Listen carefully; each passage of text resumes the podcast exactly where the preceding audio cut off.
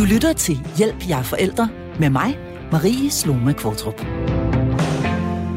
Da jeg blev mor for snart mange år siden, gik det ret hurtigt op for mig, at stort set alt med børn er en fase. Nogle af faserne er længere end andre, men når de slutter, og der er gået noget tid, ja, så ligger de blot tilbage som en erindring om en tid, og de bliver som oftest blot en parentes i ens forældreskab. Nogle af de faser rummer stor afmagt, bekymring og frustration. Nogle er mere opslidende end andre. De fleste af dem har en ende. Når ens barn er sygt og ikke har det godt, kommer der mange følelser i spil. Men når det viser sig ikke blot at være en fase, men måske en kronisk tilstand, ja, så ændrer verden sig, hvis ikke den går helt i stå. For hvordan lever vi med et barn, som er kronisk sygt? Hvordan trøster og støtter vi barnet selv, dets søskende og ens partner? Hvordan får vi selv overskud til at være i det? Og hvordan får vi indrettet en ny hverdag, som ikke blev, som vi havde forventet? Alt det skal det handle om i denne uges episode af programmet, og til at hjælpe mig igennem de næste 55 minutter, har jeg i dag to yderst kompetente medlemmer af mit faste panel med mig. Det er børnelæge Morten Skrøder og læge i børne- og ungepsykiatrien Lasse Langhoff. Og du kan ringe eller skrive ind til os undervejs. Send et spørgsmål eller en kommentar i en sms, hvor du skriver R4 og sender til 1424. Eller ring til os på 72 30 2 gange 44. Velkommen til Hjælp, jeg er forælder. Og jeg kunne egentlig godt tænke mig helt øh, fra scratch at lige få selve definitionen af kronisk sygdom på plads. Og nu kigger jeg over på dig, Morten Skrøder, fordi øh, hvad er definitionen egentlig? Definitionen på kronisk sygdom, den øh, varierer lidt alt efter, hvor i kroppen det sidder, hvad for noget, hvad der er tale om for en sygdom. Men øh, sådan lidt over en bred kamp, så kan man sige, at det er sygdom, som har stået på i måneder, og der hvor der umiddelbart ikke er udsigt til, at man bliver rask af sygdommen. Mm. Øh, det behøver ikke nødvendigvis være en livsvarig sygdom, men øh, der er i hvert fald måske ikke lige noget slutmål, for man, hvor man kan se, hvornår det stopper. Og som sagt, så er der noget med varigheden med, at det har stået på i, i nogle måneder. Mm. Eller længere, ikke? Hvad hvis øh, jeg kigger over på dig, Lasse Langhoff, fordi du sidder jo i en anden, øh, en anden del af, af sundhedsvæsenet, nemlig i psykiatrien. Hvordan ser øh, øh, kronisk sygdom så ud set med, med dine briller? Vi definerer det lidt mere øh, som en, hvad skal man sige, en forskel for de mere periodiske, øh, dem som, som, som du selv siger, er, er faser, eller hvor der er, øh, opstår noget for, den, for barnet den unge, som, som, som vi egentlig tænker, vi godt kan, kan håndtere over en periode. Øh, de kroniske sygdomme, øh, tilstande i psykiatrien, det er, det er sådan noget som autisme og ADHD primært, noget som man egentlig er født med, og som hvis øh, udfordringer kommer snigende undervejs og begynder at blive mere og mere konkrete, øh, jo ældre barnet bliver, øh, med, med nogle udfordringer, som, som kommer til primært i, i den sociale kontekst med andre, mm. øh, hvor man kan se, her er der altså noget, som, som vi bliver nødt til at kigge på, fordi der, der, der er nogle ting, der er for svært for det her barn. Mm. Øh, så, kan de, så kan de få øh, en af de her ja, kroniske øh, diagnoser, diagnoser. som, som, som vi tænker vil kunne hjælpe barnet mm. på sigt. Måns er der forskel på kronisk sygdom og så det, man vil kalde uhelbredelig sygdom? Øhm, det er der, synes jeg. Jeg vil i hvert fald sige, i, øh, når jeg snakker med mine øh, kolleger, så, øh, så tror jeg, uden at, at vi sådan har i talsat det direkte, så skældner vi mellem den kroniske sygdom, som var det, jeg snakkede om før, øh, og bruger mere ordet uhelbredelig, når vi er over i, øh, i øh, de helt alvorlige sygdomme, der måske hele tiden forværres, altså progredierende sygdomme, der måske øh, også øh, slutter med døden i, bør- mm. i børnealderen. Så ordet uhelbredelig, det er egentlig mere, øh, det er mere noget, vi bruger, når, øh, når vi taler om de helt alvorlige ting, der typisk udvikler sig negativt. Mm. Men øh, man kan sige, i folkemunden, der tror jeg, at, at man kan sige, at uhelbredelig og kronisk måske kan have et overlap, men, øh, men jeg, jeg vil altid bruge øh, ordet kronisk. Det har øh, måske øh, et mindre øh, sådan dystopisk farligt, øh, farligt, mindre farligt klang over sig. Ja, uhelbredeligt lyder øh, unægteligt øh, meget, meget, øh, meget voldsomt. Øhm, skældner man mellem øh, somatisk, altså fysisk sygdom, og så psykisk sygdom, når, man, øh, når vi taler kronisk, kronisk sygdom? Altså, nej. Øh, ja og nej. Øh, vi, både i psykiatrien og i, i somatikken, eller i pædiatrien, som, som Morten repræsenterer, der har vi øh, de her diagnosekoder, kan man sige, som egentlig bare er en markat for det her. Øhm, når du kommer ind til mig, så ved jeg på forhånd, det her det kan være en problematik, som jeg skal tage, tage hensyn til. I Mortens tilfælde kunne det være en, en astmasygdom eller en diabetes, som man på forvejen ved, okay, det her det, er, det kunne være en problematik. I mit tilfælde, så, så, så er det netop sådan, ja, jeg ved, at barnet, øh, den unge, har de her problemer, øh, som, som jeg det kan være, det er derfor, at, at adfærden er svær. Mm. Så, så vi arbejder inden for en eller anden form for fælles øh, referenceramme for de her diagnoser, øh, mm. som egentlig bare er en liste, mm. øh, som skal tjene til at give andre et heads up på, her er, er der potentielt noget, som, som vi skal tage os af, eller i hvert fald have, have, have blik for. Mm. Man kan måske også øh, øh, træde et skridt tilbage og så sige, at øh, det er, der kan være kronisk sygdom, både når det er øh, kropslige symptomer, det er det, vi kalder somatikken eller pædiatrien. Det er bare lige for at komme med lidt ordforklaring. Mm. Men, men Lasse og mig er jo begge to grundlæggende uddannede læger mm. øh, på helt samme måde. Og så har vi begge to gerne vil hjælpe børn mm. med forskellige sygdomme og udfordringer. Mm. Og der, øh, der har man skilt, skilt det, delt det sådan op, at øh, det, man kalder somatikken, mm. øh, de, fy, de fysiske sygdomme, det tager børnelægerne sig af, og de mentale psykiatriske ting, det tager børne- og unge psykiaterne sig af. Når det er sagt, så, så er det jo to fag, som er meget nært beslægtede med mm. rigtig mange overlap, øh, især inden for, for visse øh, sygdomskategorier. Det for eksempel børn med hjerne- og nervesygdomme, der er der et, et tæt overlap øh, med, mellem, mellem de to specialer. Mm. Der er allerede kommet øh, et par sms'er her, og der er en, der skriver, øh, kronisk sygdom er ifølge kommune og forsikringer først, når der er tale om over et år. Kærlig hilsen Kim. Øh, så det er åbenbart definitionen, at det er noget, der ligesom skal have, have en vis varighed. Altså det skal have haft en vis varighed, før man sådan kan, kan, kan definere det som øh, kronisk. Har Kim ret i det? Øhm, først og fremmest, så, så tænker jeg måske, at, at øh, jeg læser Kims øh, mm. rigtig gode kommentar øh, som om, at han har stået med noget, hvor han øh, måske øh, har slået panden mod muren, mm. øh, det byråkrat, den byråkratiske mur, mm. fordi at der var en instans, der ikke ville anerkende noget. Øh, jeg er egentlig fuldstændig ligeglad med, hvad kommunen siger. Mm. Øh, okay. i, i, vores, I vores verden, der kan vi sagtens øh, sige, at der er simpelthen tale om en, en kronisk sygdom, mm. også selvom vi kun har kendt til den øh, i to uger, og selvom sygehistorien kun har været to uger. Det kunne være en debuterende, altså en opstartende diabetes, sukkersyge hos børn. Den er per definition kronisk, også før der er gået et år. Mm. Så, øh, men, så der er du også ligeglad med, hvad forsikringsselskabet for eksempel går ind og siger? Fuldstændig. Ja. Det, det, det, er deres, øh, det er deres boldgade, hvad kommunen så har ydelser, hvor lang tid de synes, man skal have haft en diagnose. Men, øh, så, så jeg forstår godt, og, og det er det, der gør det rigtig svært nogle gange at navigere i systemet.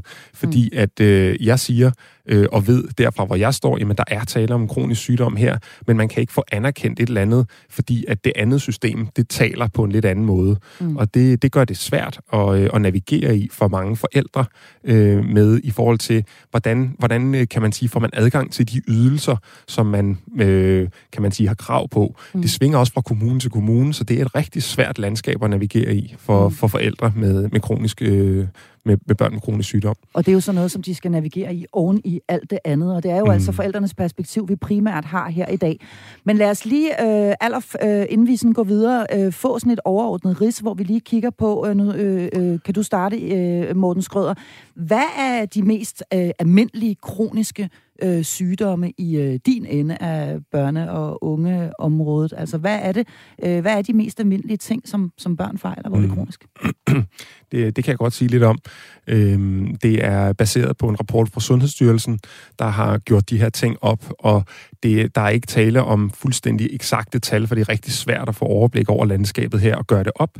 Men øhm, et, øh, et godt bud fra Sundhedsstyrelsen, det er, at omkring 10 procent af alle børn i Danmark, de lever med en eller anden form for kronisk sygdom. Det behøver ikke... 10 procent? 10 procent. Så det er faktisk mange. Det er mange, ja. Men der skal vi huske, det er et bredt spektrum øh, fra en mild astma, hvor man behøver at tage en astmaspray to gange om året, mm. til meget, meget alvorlige øh, og svære øh, forløb og sygdomme. Okay. Det er altså 10 procent. Tager man øh, de psykiatriske diagnoser med, så kommer vi faktisk helt op på 16 procent øh, af børne- og unge øh, populationen, øh, befolkningen i Danmark. Øh, som har en eller anden form for som kronisk har en, lidelse ja. eller sygdom. Ja. Og det, der fylder mest, det er øh, igen over i de, de fysiske, kropslige mm. sygdomme, de somatiske sygdomme, det er astma, mm. som er 8-10 procent af en, øh, en børnepopulation, der har det. Øhm, så noget, der fylder rimelig meget også, det er så noget som diabetes, altså type 1 sukkersyge, mm. øhm, øh, og i stigende grad stille og roligt type 2, men mest type 1. Der er cirka 3.000 børn i Danmark, der har det.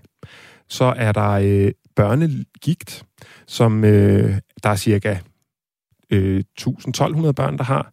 Øh, og så er der epilepsi, som er en halv procent af alle børn i Danmark, der går med det. Mm. Øh, det, der er vigtigt at sige for flere af de her sygdomme, det er, også i forhold til, hvad vi snakkede om tidligere, de behøver ikke at være livsvarige. Mm. Nogle af de her børnesygdomme, dem kan man godt vokse fra.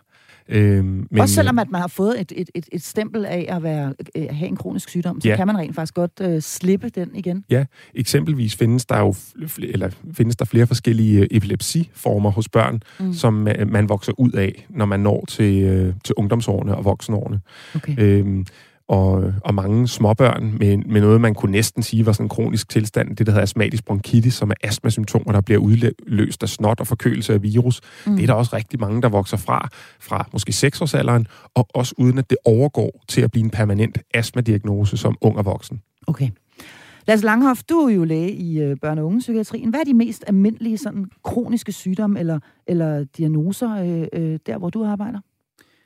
Det er de medfødte. Ja. Øh, det, det vil sige, det er, det, ja, øh, dem, som er hjerneudviklingsmæssigt forstyrret på en eller anden måde, og, og, og forstyrret skal selvfølgelig øh, bruges med, tages med et grænsalt, men eller, eller forstås korrekt. Øh, øh, jeg er ikke uden på at, at, at, at, at shame dem på nogen som helst måde. Øh, det er, men det, det vil sige, det er autisterne, mm. øh, dem for, som får autistiske diagnoser, det er dem, som får ADHD-diagnoser. Og så er det dem, som har nogle adfærdsforstyrrelser, som måske senere bliver til personlighedsforstyrrelser. Det vil sige, det er noget, som der er, altså de er, er, op, de er født og opvokset med en eller anden form for øhm, øhm, vanskelighed ved at, at, at betragte verden, som, som vi andre gør, mm. intuitivt. Mm. I er jo begge to læger, og I øh, arbejder hver evig eneste dag med at øh, udrede børn, finde frem til en diagnose.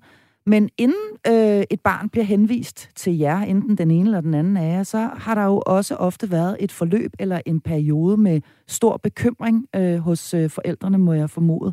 Hvordan har forældrene det egentlig typisk, når de, øh, når de så kommer til jer? Øh, jeg kan starte med at svare, Lasse, skal mm. det? Mm. Øh, det første at sige, det er, at det, det er jo enormt forskelligt, mm. afhængig af øh, situationen. Både hvor gammelt barnet er, hvor alvorlige symptomer øh, barnet har haft derhjemme, og måske over hvor lang tid det har stået på. Mm. Øhm, men, men grundlæggende, så øh, ligesom når vi også har talt om akut sygdom hos børn tidligere her i programmet, så er det det allervigtigste i de forældres liv, når der lige pludselig opstår sådan noget med deres børn. Især ja. hvis de begynder at få fornemmelsen af, at det her det har stået på over ikke bare uger, men måneder. Øh, det kan også være, der måske øh, hos egen læge eller nogle andre steder har været forsøgt lavet nogle behandlingstiltag eller udrednings, altså undersøgelser, som, ikke, som man ikke er kommet i mål med.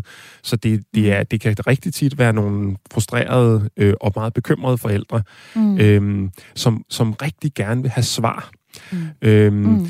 Og, øh, og Selvfølgelig. Det, ja, ja. Og, og det er ikke altid, vi kan give dem svar. Det, det er ikke altid, at vi kan sige præcis, hvad det er, børnene fejler. Øh, det, det kan vi i rigtig mange situationer, men vi kan ikke altid. Øh, og det at kunne få en forklaring, det er øh, en enorm lettelse faktisk for mange, fordi så er det i talesat, så er der et navn på det, så kan man snakke om det, så kan man fortælle om det, både internt i familien, mm. med sundhedsvæsenet, med kommunen måske mm. på sigt, men, men man har ligesom et sprog for det. Så det er tit en frustreret periode op til, hvor det ikke er anerkendt, hvor det ikke er i talesat, hvor det ikke er forstået. Mm. Øh, det er det, jeg kan opleve nogle gange i, i, øh, i, den, i de første møder med familien. Og vel også en eller anden form for afmagt, tænker jeg. Altså Langhoff, hvad er det for, øh, hvordan har de forældre det, som lander over hos øh, hos dig? Som Morten siger, så, så, så vil de gerne have en forklaring. Mm. Øhm, hvorfor er det, min, mit barn støder sig på verden? Mm. Øh, hvorfor er det, det er, det er svært at, at være mit barn? Øh, og det, det kan både være en, en frygt øh, for at, øh, at få en diagnose, fordi man i bund og grund øh, ikke vil have, at ens barn bliver stemplet som værende sær, sær eller særlig. Mm. Øhm, og, og hvordan skal det ikke påvirke en, en, en klassesituation eller, eller det sociale øh, for barnet? Øh, nogle er, øh, er også enormt... Øh, de vil bare gerne have noget hjælp, øh, mm. fordi at de har stået med den her problematik så lang tid, og de kan godt se, at barnet er i mistrivsel, den unge mm. er i mm. mistrivsel, og der skal ske et eller andet. Og, og det det er ofte det, eller vores system er bygget op sådan, at, at der skal ofte en diagnose til, for at, som jeg sagde før, vi giver dem, eller for at andre skal, skal vide, hvad det er øh, for en problematik. Så derfor har de brug for, at vi sætter en label på det, mm. øh, sådan at, at de kan få noget konkret hjælp, for eksempel i, i, i kommunen. Mm. Øh, at, at så der, der kan blive trykket på de rigtige knapper, og, mm. og, og der kan komme noget handling øh, ja, øh, på banen. Så, så de er enormt ambivalente, ikke? fordi for det første, så er de enormt bange for, at vi, vi stiller en diagnose for det første, men de ved også godt, at den er nødvendig nødvendig. Mm. Mm. Som mor eller far, så kan man jo nærmest ikke forestille sig øh, noget værre. Øhm, jeg har ikke, øh, og og gudske tak og lov, for det er noget barn med kronisk sygdom, men jeg har prøvet at stå med øh, min datter, som havde en åben indlæggelse på en børneafdeling i et par år, fordi hun bare konstant og hele tiden fik lungebetændelse. Jeg kan faktisk næsten ikke huske noget øh, fra de år. Altså, øh, jeg var øh, så stresset og så bange, og så i så forhøjet øh, alarmberedskab, og for de forældre, som vi øh, taler om i dag, så var det her jo nogle gange meget, meget længere. Altså selve den her undtagelsestilstand, hvor man er helt oppe i, i det højeste gear, øh, og er bange for noget, som måske er meget, meget alvorligt. Hvordan gør de det? Altså, hvordan, mm. hvordan øh, øh, man kommer jo igennem på en eller anden måde, tænker jeg, men hvordan?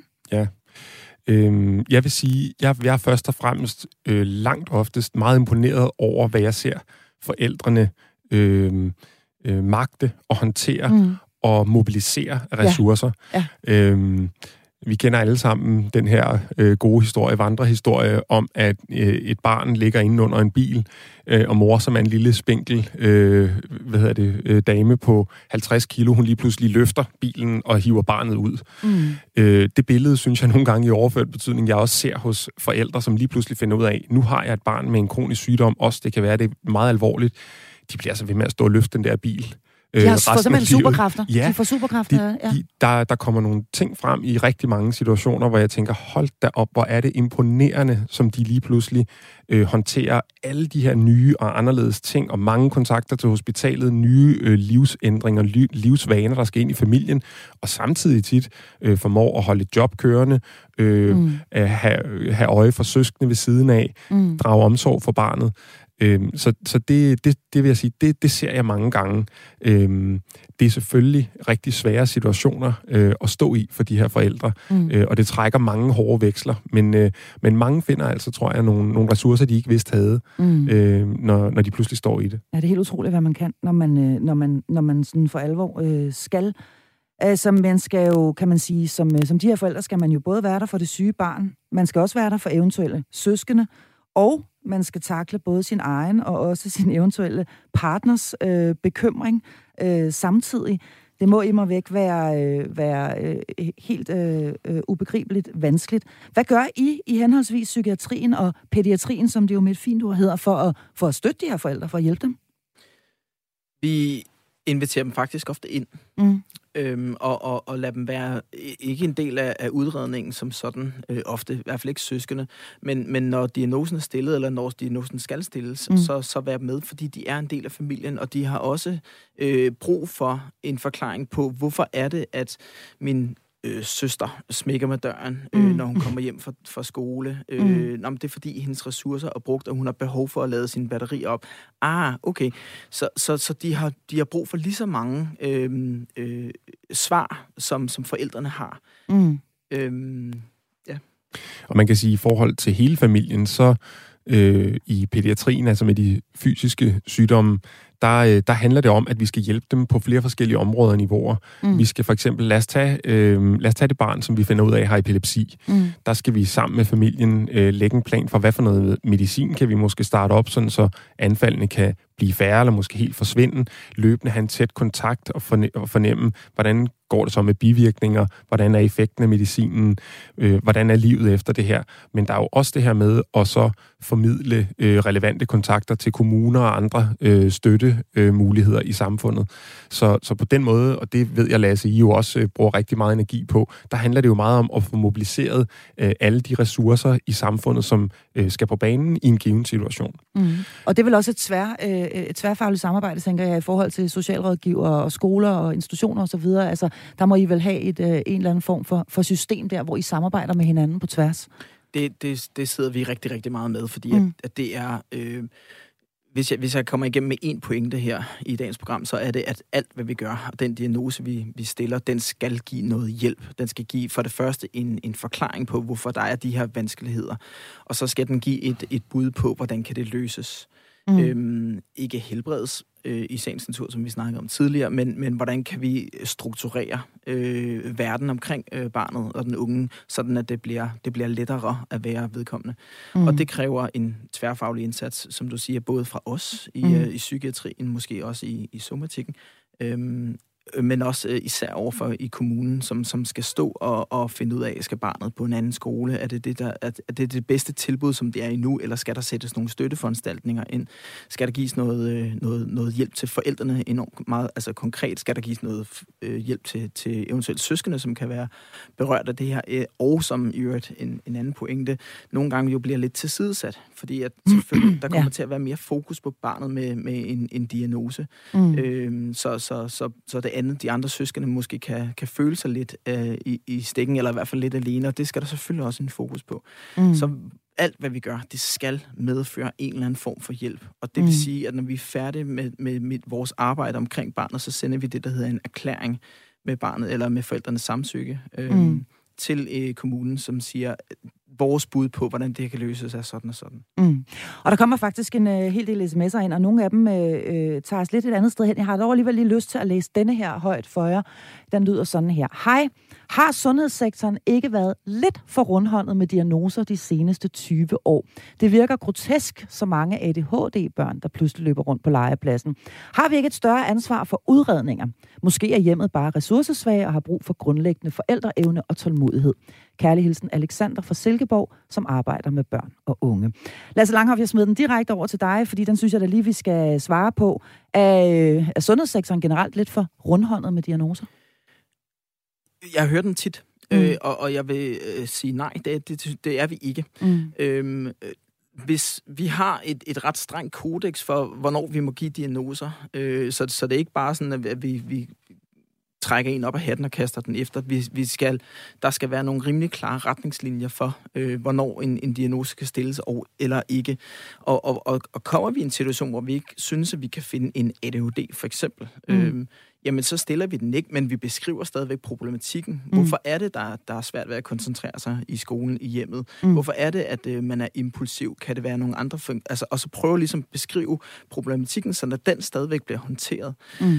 Øhm, vi kan se, at vi kan, vi kan godt begynde at, at diskutere, at vi måske har et, et system, som hvor der puttes for mange børn ind i, i klasserne til relativt for, for få øh, øh lærere og pædagoger. Det vil mm. sige, at det, og det er en helt snak. for, ja. Ja, det er, en maven for at falde udenfor, og for at være en lille smule særlig, den, den, den, er, den er enormt hårfin. Mm. Øh, men der er ikke så meget plads til, til at være en, lidt en spredebase og få lov til at gå ud og løbe tre gange rundt i, i skolegangen. Som, men, men så kan man omvendt sige, jamen dem, som måske skulle have haft en ADHD-diagnose øh, engang, øh, var de ikke bedre tjent med at få den i virkeligheden? Og der er der mm. rigtig mange voksne, som bliver diagnostiseret nu, som tænker tilbage, ej, hvor ville jeg gerne have, at det her, det, det havde vidst det her. Mm. Og der kan jeg jo lige uh, slå et slag for det program, som uh, bliver sendt næste fredag, nemlig et program, hvor uh, jeg interviewer Manu Seren, som har uh, skrevet en bog om at være barn og voksen med ADHD, og først, apropos, få en diagnose i en meget høj alder. Han ville gerne have haft den noget tidligere.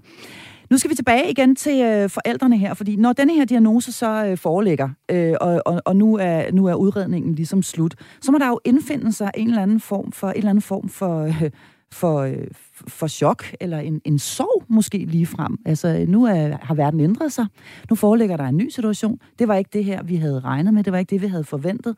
Øhm, er der tale om et regulært stykke sovearbejde, der simpelthen skal laves? Det kan du øh, meget, øh, øh, øh, det kan du få lov til at svare på, Lasse Langhoff. Skal der laves et, et, et sovearbejde? Skal forældrene gribes, når øh, diagnosen den foreligger? Ja, det skal de. Øhm, jeg, jeg synes, sammenligningen er fair, fordi at, at, at hvis man sammenligner med en hvilken som helst anden krise, så går man igennem nogle stadier med bearbejdelse. Hvad er det, jeg har mistet? Mm. Øh, jeg har sandsynligvis mistet en, øh, mit billede af, hvordan mit forældreskab øh, øh, vil glide rimelig mm. nemt, og nu har jeg den her problematik, som jeg bliver nødt til at tage mig af. Det vil sige, jeg skal først finde ud af at definere, hvad er det, der er blevet taget fra mig, så skal mm. jeg omstrukturere det. Hvad er det så? Okay, men hvad efterlader det mig? Hvad, hvad, hvad kan jeg mobilisere ressourcer? Og så begynde stille og roligt at finde ud af, okay, hvordan finder jeg så mig til rette i den nye øh, situation? Mm. Så, så, så ja, sammenligningen er, er, er, er god det er der, hvor vi øh, går ind og prøver at, at, at hjælpe, det er for det første med at give dem så meget info som overhovedet muligt. Hvad er det, I står med? Hvad er det for en problematik? Tager faktisk en del af, af ansvaret, øh, øh, eller øh, skylden fra forældrene og siger, mm. jamen det er jo ikke jeres skyld, øh, apropos øh, sms'en mm. før, at det er dårligt forældreskab. Nej, det er det ikke. Mm. De, øh, ikke nødvendigvis altså, Over en enorm bred kamp, så gør de danske forældre det enormt godt og kærligt og, og omsorgsfuldt. Øhm, øh, hvad det, det hedder. Så, så øh, jeg, jeg tabte tråden. Nej, men de, de er vel alligevel, de er vel, de er i sorg. Altså, de er i en eller anden form for sorg, og det tænker jeg også, de er de forældre, du står med, Morten, nogle gange. I, vel især, når der bliver stillet sådan lidt mere alvorlige, kroniske øh, diagnoser, som fuldstændig ændrer deres øh, verdensbillede. Ja, øhm, jeg forstår, hvad I siger. Og jeg tror, jeg, jeg forbeholder lidt mere ordet sorg til, når der har været et tab. Mm. Øhm, Så lad os kalde det krise. Ja, det tror jeg er bedre mm. øh, i virkeligheden. Og jeg vil sige, for nogen, der bliver det måske chokerende og krisepræget, mm. men som jeg lidt var inde på før, så, øh, så er der også mange, der godt har vidst gennem noget tid, at mm. der var et eller andet, der var under opsejling. Mm. Øh, og nogle gange er det også en lettelse, ja. og det giver noget afklaring, ja. og det gør, at man hjælper forældrene over i en handlefase, hvor nu er der ikke uvidshed. Nu kan man faktisk tage fat om problemet igen, man kan snakke om det, vi kan til rigtig, rigtig mange af de kroniske sygdomme, jeg også nævnte før, har vi jo super gode behandlinger, sådan mm. så børnene får nogle øh, rigtig gode liv øh, uden epilepsi, med meget, meget få astma-tilfælde, mm. hvor at, øh, og med ny medicin mod børnegigt, som gør, at, øh, at børnene kan leve et helt normalt liv i forhold til bare for, for 20 år siden. Mm. Så der er også mange, der, øh, selvom der er selvfølgelig ingen, der er lykkelige for at få en kronisk øh, diagnose hos deres barn, at det også giver, øh, det sætter nogle ting på plads, ja. så man kan se fremad og blive mere handlingsorienteret og gøre noget for at hjælpe sit barn mm. i samarbejde med behandlerne. Og det er altså også... Øh, det er rart. Altså, ja, det er rigtig, ja, det er rigtig rart. Mm. Ja. Du lytter til Hjælp, jeg er forældre. Ja, og vi taler i denne episode af programmet her om kronisk syge børn, og øh, hvordan man egentlig overhovedet øh, håndterer det som forældre. Vi har altid fokus på forældrene her i det her program, hvor du i øvrigt er hjertelig velkommen til enten at ringe eller skrive ind til os. Øh, hvis du har lyst til at sende en sms, ja, så skriver du R4 og sender afsted til 1424. Hvis du hellere vil ringe, jamen, så gør du bare det. Nummeret har ind til er 72 30 2 gange 44. Jeg har to fantastiske medlemmer af mit faste panel med mig, nemlig børnelæge Morten Skrøder og læge i børne- og ungepsykiatrien Lasse Langhoff.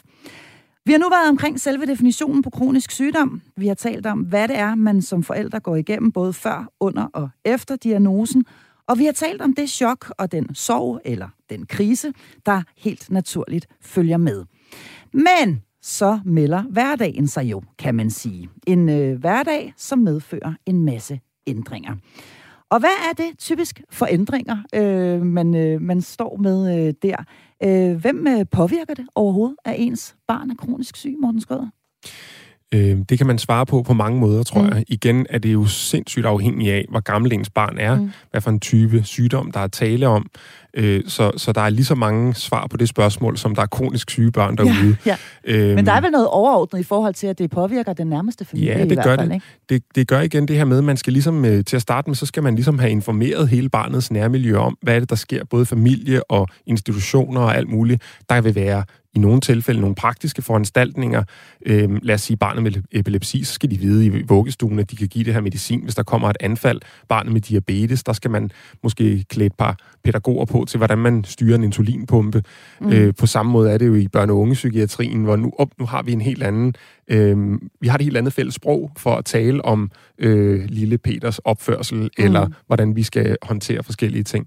Så, så på den måde er der, er der jo rigtig mange ting, der ændrer sig, men, mm. men, øh, men det, der også er vigtigt at sige, det er, at rigtig mange, de er jo også gode til at, øh, at komme videre i hverdagen med det, og, øh, og mobilisere nogle ressourcer, så når de ligesom har fået sat det i system, og mm. har vendet sig lidt til, hvordan kører det her over de første uger, måneder, måske år, at så, øh, så er mange rigtig gode til at leve deres liv, som også øh, øh, tit bliver nemmere, fordi vi kan gøre noget for at hjælpe børnene. Mm. Endelig er der jo altså øh, den dimension, at der jo øh, tit og ofte er andre søskende i familien, og øh, i forbindelse med det, der har vi fået en lidt længere sms her, som jeg vil læse højt for jer. Den lyder sådan her. Kære panel, min dreng på 10 har en kronisk tarmsygdom, og vi har igennem de sidste par år været gennem udredninger og lange hospitalsbesøg. Vi er nu nået dertil, hvor han skal have stomi. Som par har vi klaret det godt, og er egentlig faldet til ro i det hele. Min søn har fået en masse støtte fra hospitalet, men indimellem kræver det naturligvis engles tålmodighed for at komme igennem dagene. Vores udfordring er dog ikke ham, men hans lille søster. Hun er tre år yngre og har stået på sidelinjen gennem det hele. Hun har været ekstremt tapper og tålmodig, og vi har været taknemmelige. Men nu kan vi se, at vi har negligeret hende. Hun har trukket sig ind i sig selv og venter blot på os. Hun har lært sig selv at smøre mader i stedet for at bede om det. Hun går med hunden. Ja, hun er en lille hjælpsom skygge. Ej, jeg får helt kuldegysninger. Hvordan får jeg hende tilbage? Den næste lange periode går med stomien og træning, ubehag og psykiske pep-talks til knægten, så igen risikerer hun at blive ladt alene. Kærlig hilsen, Trine og Nils. Ja, øh, jeg fik faktisk helt ja. gåset ud på armene. En lille skygge, der, øh, der går rundt og hjælper til her. En lille søster. Ja, det er... Øh, nu, nu skriver Trine og Nils her mm. selv, de bruger ordet skygge. Ikke? Det er mm. også et, et begreb, vi har, det her med skyggesøskende. Øhm, og det er, øh, nu lyder det til, at, øh, at deres dreng her, som skal have en stomi, som mm. altså er, at, at tarmen bliver opereret ud i et hul på maven, og så kommer tarmindholdet i en pose, fordi der er et eller andet, der fungerer enten permanent eller, mm. eller i en kortere periode. Øh, og det er jo en rigtig stor og voldsom ting, mm. øh, som fylder meget i en familie. Ja, det kan man høre. Ja, det, det kræver engles tålmodighed at komme ja, det igennem det. dagene. Og, øh, og det er jo, altså, ja, hvordan, hvordan har man næsten hænder og tid og opmærksomhed nok til både at tage sig af det syge barn og søskende ved siden af? Der mm. er det, kan man sige, øh, der er det tit, selvom ingen ønsker det på den måde, så bliver det søskende, de raske søskende, som på en eller anden måde øh, kan klare sig selv. Og øh, øh, og, og kommer lidt i anden række, ikke? fordi at man bliver simpelthen, man kan ikke lade være med at tage til den her kontrol. Man kan ikke lade være med at være med, når barnet vågner op efter en operation. Mm. Man kan ikke lade være med at tage på hospitalet, når der er en akut forværing en aften. Nej. Øh, og hele det overfokus, det, det er rigtig svært for søskende. Mm. Øh, det er noget, vi, vi begynder at øh, også har mere og mere øh, fokus på, tror jeg også hos jer. Du nævnte det tidligere, Lasse, også, men faktisk har vi på øh, Rigshospitalet, hvor jeg arbejder lige nu, så har vi de, øh, de sidste år planlagt at lave øh, noget, der hedder Super Seje Søskende, som lige præcis er en dag, der hylder og anerkender og ærer alle de søskende, som er til Rigshospitalets syge børn mm. og unge, for at invitere dem ind på hospitalet en dag og give dem en plads og en stemme. Mm. Øh, og, det, og det tror jeg blandt, blandt andet kan være noget til at hjælpe til, at der kommer et øget fokus på, øh, på de her søskende. Ja. Og jeg tror bare det, at øh, Trine og Niels, var det det, de hed, ja. øh, er, er så, øh, så kærlige og opmærksomme omkring det, er jo det første vigtige skridt mm. på at også få... Øh, kan man sige, øh, få, have blik for lille søster frem ja, af banen. man kan, jo, man kan jo mærke, jeg kan næsten mærke i mit eget hjerte, hvor hjerteskærende mm. det er med den her mm. lille søster, som jo også øh, hjælper, hvor hun kan. Ja. Altså hun, øh, hun, øh, hun går med hunden, og hun øh, smører sin ja. egne mad, og hun øh, går rundt som en lille skygge, fordi øh, hun er godt klar over, at fokus skal ligge på, øh, på storebror. Hvad gør I i psykiatrien for de her søskende til børn, som, øh, som, som primært bliver dem, der fylder i en familie? Åh, ja. Jamen, øh, altså, fordi ja. vores fokus er jo også igen på, på barnet, som vi udreder, mm. øh, og, på, og på forældrene, som skal varetage en, en, en, en ny opgave. Mm. Øhm, så, så, så, for, øh, så, så, øh, så søskende, altså i, i det her tilfælde, i Trine og Nielses tilfælde med, med hende her, den lille, og øh, det, det lyder jo som om, at hun er en enorm sej lille pige. Ja, øh, og, og hun må være kun syv år gammel, fordi storebror har ti, ikke? Det, det, så, ja. det siger min matematik mig også. Øhm, at, at hun, hun kompenserer jo rigtig langt hen ad vejen, og det er jo det, det som Nils og Trine, de er jo enormt bange for, sådan, jamen, hvornår kan hun ikke det længere? Mm. Øh, øhm, og man kan sige, jamen, der er det, der er det enormt vigtigt, at, at, at hele netværket bliver mobiliseret, mm. sådan, sådan at, at Nils og, og, og Trine begynder at trække på, eller alle andre forældre i, i den situation, øh, begynder at trække på deres netværk, det vil sige, at deres forældre skal, skal ind og begynde at aflaste, måske tage med til nogle af kontrollerne, sådan at man, man kan okay. sætte tid og kærlighed af til det andet barn. Mm. Det er, øh, bare, øh, søs, søskende her, de ved jo godt, at, øh, at, at der er en årsag til, at, at far og mor de tager til de her kontroller over, at fokus ligger et andet sted, men det skal mm. kompenseres på en eller anden, anden måde. Så, så det her med at i virkeligheden hjælpe øh, forældrene til at sige, at I skal, I skal begynde at bruge jeres netværk, eller der skal, der skal, øh, I skal aflastes osv., øh, er, det, er, det, øh, er det noget af det, som, øh, som I også råder til i, øh, over i din ende af, af butikken, Morten Skrøder? Jamen det vil jeg sige klart, når det er, både når det er alvorligt og når det mm. er langvarigt, så mm. det at få aktiveret det netværk, man har, er helt vildt afgørende. Og det vi oplever, det er, at rigtig mange netværk, hvis ikke alle, de vil rigtig gerne hjælpe.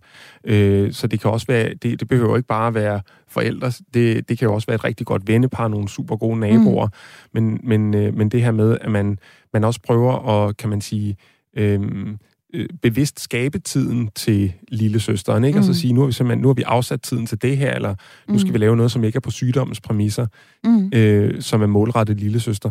Mm. Øh, det, er, det, og i tale til det, det er, det er jo første skridt på vejen til at, øh, at bringe hende lidt frem i lyset, hvis vi skal blive billedet, ikke? Ja, og det er vel højst sandsynligt, kan jeg næsten forestille mig, nu har jeg selv en masse børn, øh, faktisk hendes forældre, hun gerne vil have. Så måske i virkeligheden uddelegere nogle af de ting med det syge barn til, til nogle af de andre, øh, øh, tænker jeg. I det omfang, det kan lade sig gøre. I det omfang, ja. det kan lade sig gøre. Det er en øh, kæmpe udfordring for de her familier, hvor øh, der pludselig er et barn med en kronisk øh, sygdom. Jeg har lyst til at spørge jer, ved man overhovedet, om der er, altså, øh, er der flere ægteskaber, for eksempel, øh, eller parforhold, der går i stykker i de her familier? Det, det, det korte svar er ja, det er mm. der, desværre. Fordi at, at vi som forældre bliver jo enormt handlingsorienteret, lige så snart at vi får en eller anden given problematik, så skal der ske... Altså, jeg går jo ind enormt konkret og siger, at, øh, at barnet er jo mistrivsel på en eller anden baggrund, så der skal jo ske nogle ændringer, mm. øh, hvis barnet skal tilbage i trivsel, øh, tilbage i skole for eksempel, eller have det nemmere socialt. Øhm, og, og det betyder, at, øh, hvad det, det hedder man håndterer det forskelligt, Æ, altså de her ja, forældre. Nu øh, tænker og, jeg bare, hvis vi, skal, hvis vi lige skal kigge på, om de går i stykker parforholdene. Yes, at, at, at forældrene øh, finder, øh, har måske et forskelligt take på, hvad, hvad det er, der skal til, mm. øh, og, og, og kommer fra forskellige... Det er også, øh, hvad, hvad deres baggrund er, hvad deres erfaringer har været, mm. og, og, og det kan være en, en fuldstændig fundamental måde, sådan, jamen, jeg vil gerne adressere problemet på den her måde, den anden forælder eller min partner vil gerne adressere det på en anden måde, og det kan man bare ikke blive enige om. Mm den er sindssygt vigtigt, at man tager up front, øh, og, og man begynder at, at, at at tage diskussionen om, hvordan altså, du ser det på din måde, og at, at prøve at anerkende den anden, øh, hvad det, det hedder, vedkommendes holdning, og så finde en eller anden form for middle eller common ground. Mm. Så kan man altså komme rigtig langt. Men det men, men som jeg startede med at sige, man bliver i, man går i handlingsmode, og, og det kommer fra et enormt personligt sted, så derfor kan det også være enormt svært at finde et fælles fodslag på, hvordan takler vi det her. Mm. Og der er jo mm. altså både en far og en mor i langt de fleste tilfælde, heldigvis, Morten Skrøder. Oplever du, at øh, de her øh, ægteskaber eller parforhold, de bliver ekstra presset, øh, når deres øh, barn er kronisk sygt? Jeg har ikke nogen øh, sådan overordnet tal eller statistikker Nej. på det, men min klare fornemmelse er, at, øh, at jo mere alvorlig øh, og lang, langtrukken mm. øh, til, tilstanden sygdommen er, jo mere begynder det at trække nogle veksler der. Ja, naturligvis. Øhm, og, og med der, hvor vi taler de helt alvorlige diagnoser, kraftdiagnoser, der ved jeg, der er en overhyppighed af, mm. af splittede forældre. Mm. Øhm, øh, og det, øh, det er der måske ikke noget at sige til på en eller anden måde. Og øh, jeg vil sige, det der med, at man øh, helt tidligt i forløbene øh, som øh, forældre til barnet øh, snakker åbent, løbende, tæt, på mm. en eller anden måde på lavet en, en, en aftale om, vi, vi skal rykke sammen i bussen her. Mm. Fordi hvis vi prøver at, og hvis vi virkelig gør en indsats for at rykke sammen i bussen og arbejde sammen om det her, også selvom vi har lidt forskellige måder at være omkring det på, mm. så bliver det rigtig svært. Så det, mm. at, at, øh, at man kan give plads til, øh, at man ikke er den samme person, men gør tingene på lidt forskellige måder, men man hele tiden er enige om, vi har det samme mål her, og det er at øh, sørge for at få vores familie så godt igennem det her. Mm. Øhm, det, det er, det er enormt vigtigt. Mm. Ja, for man har altså kun øh, det antal ressourcer, man nu engang har, og der kommer flere af dem i øh, sådan en situation. Langt de fleste af dem vil gå til øh, det barn, der er sygt, øh, tænker jeg. Så vil der øh, gå øh, stort set resten til øh, de søskende. Øhm, og så skal man jo altså også selv sørge for lige at få noget ilt en, øh, en gang imellem. Lasse Langhoff, fordi øh, hvordan pokker passer man overhovedet på sig selv som far eller mor, øh, når dagligdagen byder på øh, kronisk sygdom eller, eller permanente psykisk lidelse hos ens barn? Det første råd er jo åbenhed, at, mm. at få snakket om det her, og, og, og fordi det er skide hårdt. Mm. Selvfølgelig er det det. Mm. Øh, så, så det skal der være plads til at snakke om. Det skal der også være plads til at snakke om med børnene og med de andre søskende. Og så, øh, så netværket igen, som vi snakkede om før, kan der på nogen måde aflaste, sådan at far og mor kan gå ud på en date. Mm. Øhm, eller tage på hotelværelse, eller et eller andet, hvad ved jeg øh, sådan at, at deres øh, forhold skal, skal tilbage i, i lyset, så man sætter, altså, men, men det kræver selvfølgelig, at man har øh, nogen, som kan aflaste for en, og det, det er der desværre ikke alle, der har. Øh, og, og det er jo det, som Morten siger, ikke? Så, så, så trækker man virkelig på nogle veksler. Mm. Og det er jo altså heller ikke alle, der har en partner. Der er jo altså også øh, øh, en del enlige forældre, som simpelthen står øh, alene med det her, og hvor det kan være svært, kan jeg forestille mig, overhovedet at få de pauser, mm. man faktisk har brug for, for at, at, at selv lige få, få ilt, Økonomisk få det til at hænge sammen. Økonomisk og, og jeg bliver nødt til at gå på arbejde. Jeg har ikke mulighed for at søge deltid, eller, eller tabt arbejdsfortjeneste. Det har, har kommunen sagt nej til, hvad ved jeg. Mm. Så ja, det er skidesvært. Ja. Mm. Er der større risiko for, øh, for depression, angst, øh, måske lige frem misbrug hos denne her gruppe af forældre? Lasse Langhoff, ved man overhovedet det? Jamen, så, så, så går vi ind og snakker om den enkelte sårbarhed. Mm. Øh, fordi alle mennesker øh, bliver når man bliver udsat for et, et tilpas stressende miljø, øh, vil knække på et eller andet tidspunkt og, og ryge ud i, i en eller anden form for, for krise, om hvordan mm. man takler det, om det så bliver med, med øh, beroligende medicin, eller med stoffer, eller med alkohol, det, det er jo op til den enkelte. Men mm. hvis man presser folk tilstrækkeligt, mm. så er det. Så derfor er det også, det er sindssygt vigtigt igen, at, at, at, at man, man får lavet nogle, nogle aftaler omkring familierne, øh, for at, at, at, nedbringe den her stress. De skal ikke stå med den her problematik alene, uanset hvad, hvad den kroniske diagnose går ud på. Mm. Så det er altså hårdt at stå som øh, forældre med et øh, kronisk sygt barn. Og det seneste år her, det skal vi ikke, fordi vi skal tale særlig meget om covid-19 og corona. Det har vi talt øh, rigtig meget om i tidligere programmer. Men øh, det må jo altså have været ekstra udfordrende, Morten Skrøder, for, øh, for, for de her familier det seneste års tid hvor deres, mm. øh, deres børn har været øh, isoleret. Ja, det har det også. Og især i starten, da ingen i verden vidste, hvad corona ville blive til, hvor alvorligt det var, mm. og særligt øh, vi ikke havde nogen viden om, hvordan det ville ramme børn og unge, der var der rigtig mange, der var i fuldstændig relevant alarmberedskab. Mm. Og øh, lukkede deres verden ned, holdt deres børn derhjemme, var meget, meget bange for, hvad, hvad sker der, hvis mit barn får corona det vi heldigvis så allerede under den første bølge sidste forår og sommer, det var, at børn generelt øh, ikke rigtig bliver syge af det her. Heller ikke de svært kronisk syge børn, heller ikke mm. dem med kræft, heller ikke dem med svære lungesygdomme. Vi har set ekstremt få tilfælde af noget, der har nærmet sig alvorlig sygdom hos børn mm. øh, og covid. Så det har betydet hen ad vejen, at, øh, at man har kunne åbne mere op, lukke mere op øh, for, for den der bekymring og isolation. Mm. Øh, I sommer, der var jeg med på øh, Børnelungefondens øh, familiecamp, som er for, for børn med alvorlige lungediagnoser, alle mulige forskellige lungesygdomme, hvor at vi snakkede rigtig meget om det her, og hvad det havde betydet. Og det havde selvfølgelig helt klart været et stort øh, sådan trin op ad skalaen i forhold til isolation. Men, øh, men allerede øh, fra efteråret, så ved jeg, at også mine øh, dygtige børnelungelæger, mm. kolleger, de, øh, de, de på en anden måde øh, havde noget grund til at sige, at øh, man, kunne altså, man kunne godt tage det mere med ro.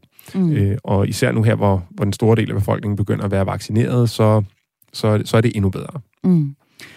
Vi øh, skal rykke videre. Vi skal tale lidt om, hvordan man egentlig øh, overhovedet støtter sit barn i at leve med en øh, diagnose. Men jeg har lige lyst til, inden vi gør det, at spørge jer, kan det ualmindelige og unormale gå hen og blive normalen i de her ramte familier?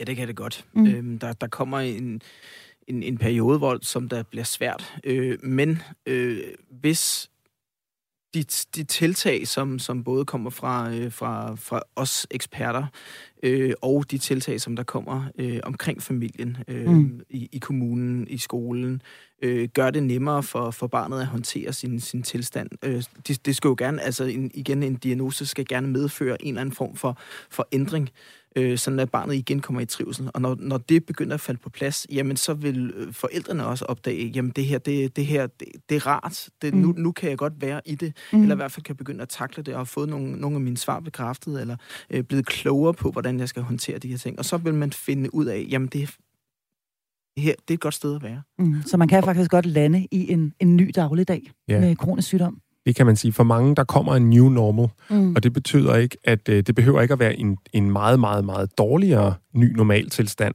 Men der er selvfølgelig nogle ting, man ikke kan se bort fra, hvis man har et barn, der lige pludselig skal have medicin flere gange om dagen, eller hvor der skal måles et blodsukker, eller mm. et eller andet. Men lige så snart, at familien og barnet mestrer det, og det er mange rigtig gode til at lære os ret hurtigt, så kommer man altså hen et sted, hvor man kan øh, et langt stykke hen ad vejen i mange perioder leve nogle rigtig, rigtig gode børne- og familieliv mm. med kronisk sygdom. Mm. Det, det, er, det er rigtig vigtigt at sige, at langt de fleste børn i Danmark med fysiske kroniske sygdomme, de har nogle liv øh, med stor livskvalitet og stor mm. glæde, øh, mm. både for barnet selv og for familien.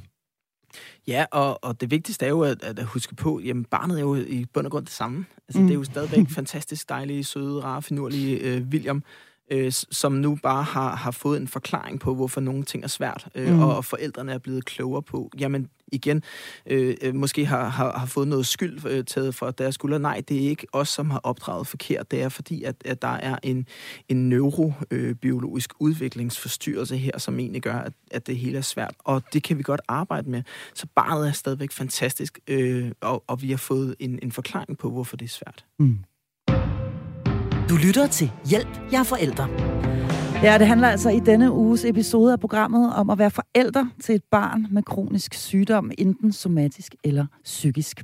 Og til at tale om dette emne har jeg to yderst kompetente medlemmer af mit faste panel med mig, nemlig læge i børne- og ungepsykiatrien Lasse Langhoff og børnelæge Morten Skrøder. Du kan stadig lige nå at ringe eller skrive ind til os med et spørgsmål eller en kommentar.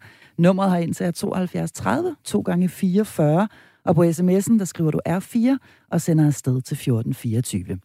Nu skal vi bruge de uh, sidste minutter til at tale om, hvordan man som forælder bedst muligt støtter sit barn i at leve med en kronisk sygdom. Og Morten Skrøder, lad os starte over ved dig, og dermed ved de fysiske, altså det man kalder for de somatiske sygdomme. Hvordan støtter man bedst muligt sit barn i at leve med en kronisk sygdom? Første store tommelfingerregel, det er kæmpe åbenhed og ingen berøringsangst. Okay. Ja. Man skal øh, uanset barnets alder øh, kunne snakke, ture snakke med barnet øh, om det her. Øh, først og fremmest fordi børnene, ligegyldigt deres alder, de samler op på, hvad det er, der foregår omkring dem. Ja. At det her det er alvorligt, det er nyt, det er anderledes. Far og mor snakker alvorligt med nogle mennesker i hvidt tøj. Ja. Øh, lige pludselig skal vi gøre noget andet om morgenen. Ikke? Altså, nu, tal, nu, nu taler vi om perspektivet for det helt lille barn. Mm. Øh, men, men generelt det her med at snakke med sit barn om det, vi kan, fordi de ved, de ved, hvad der foregår alligevel. Øh, og øh, netop det her med at øh, kunne tale åbent med barnet om det, det gør også, at forældrene...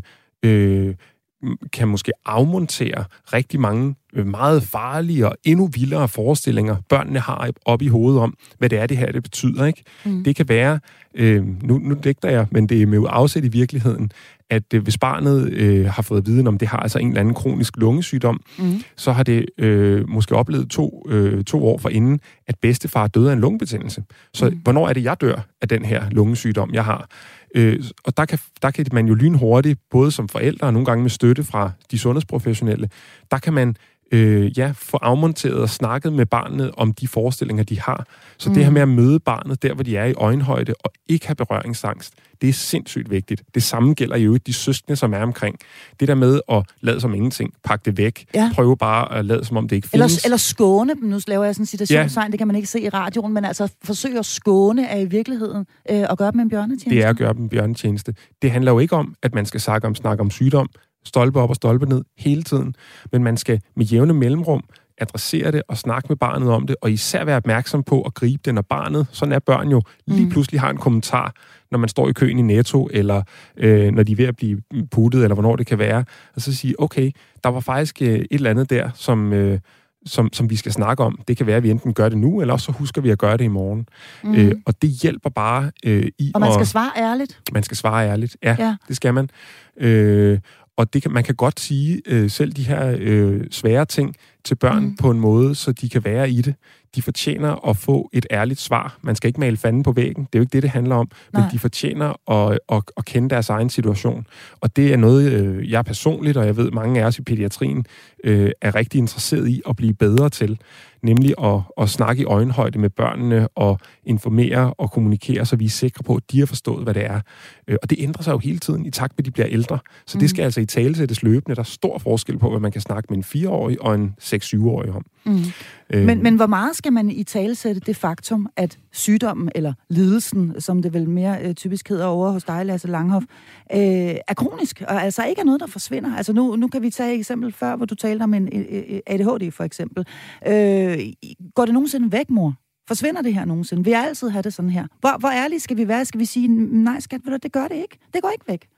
Hvad, hvad, ja, I vil begge to gerne svare. Vil du, Jamen, øh, vil jeg du starte vil, undskyld mig ja. bare lige kort ja. sige, det skal, man, det skal man bare sige, som det er. Okay. Det kan man godt forklare på en måde. Øh, jeg har, øh, han er lige blevet pensioneret med nu en fantastisk øh, dygtig og sympatisk kollega, børnelæge, som hedder Anders Pæregård, som var ekspert i mavetarmsygdom, formentlig over i den boldgade, som vi lige hørte fra Niels og Trine før. Ja.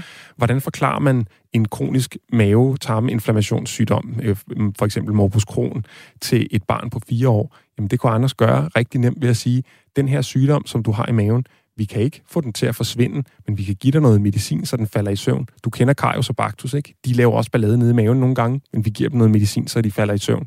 Mm. Nogle gange, så vinder de over den medicin, og så bliver det værre, og så vågner de, så kommer du ind til os på hospitalet, og så hjælper vi dig til at få dem til at falde i søvn igen, så du kan få et godt liv igen.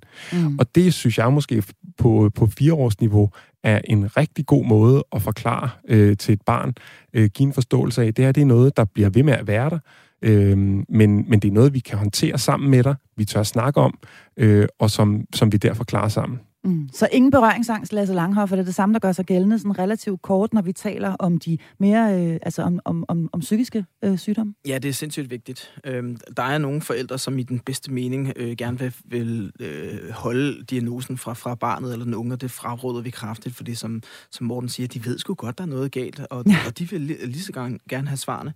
Vi bruger øh, enormt øh, ressourcer på at, øh, at, at prøve...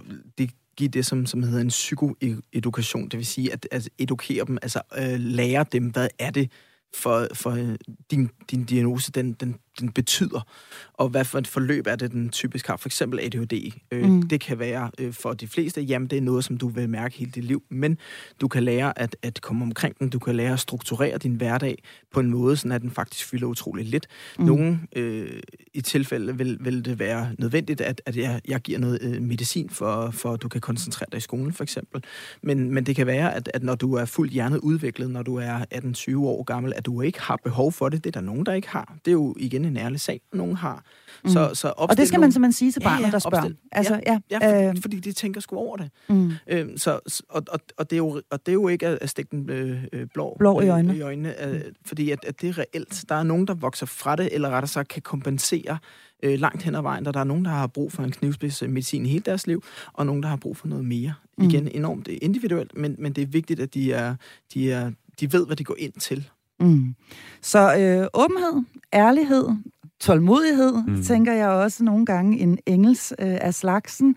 Øh, og så øh, bunkevis af kærlighed er vel i virkeligheden øh, opskriften, hvis man skal lande i et øh, godt liv med et barn med en kronisk sygdom. Og lad os så lade dette blive øh, de sidste ord i denne uges episode af programmet. Det var altså et program, der handlede om at være forældre til et barn med kronisk sygdom, og jeg havde den store fornøjelse af to faste medlemmer af mit panel, nemlig læge i børne- og ungepsykiatrien Lasse Langhoff og børnelæge Morten Skrøder. Mit navn er Marie Slomak Fortrup, og du har lyttet til Hjælp, jeg er forælder.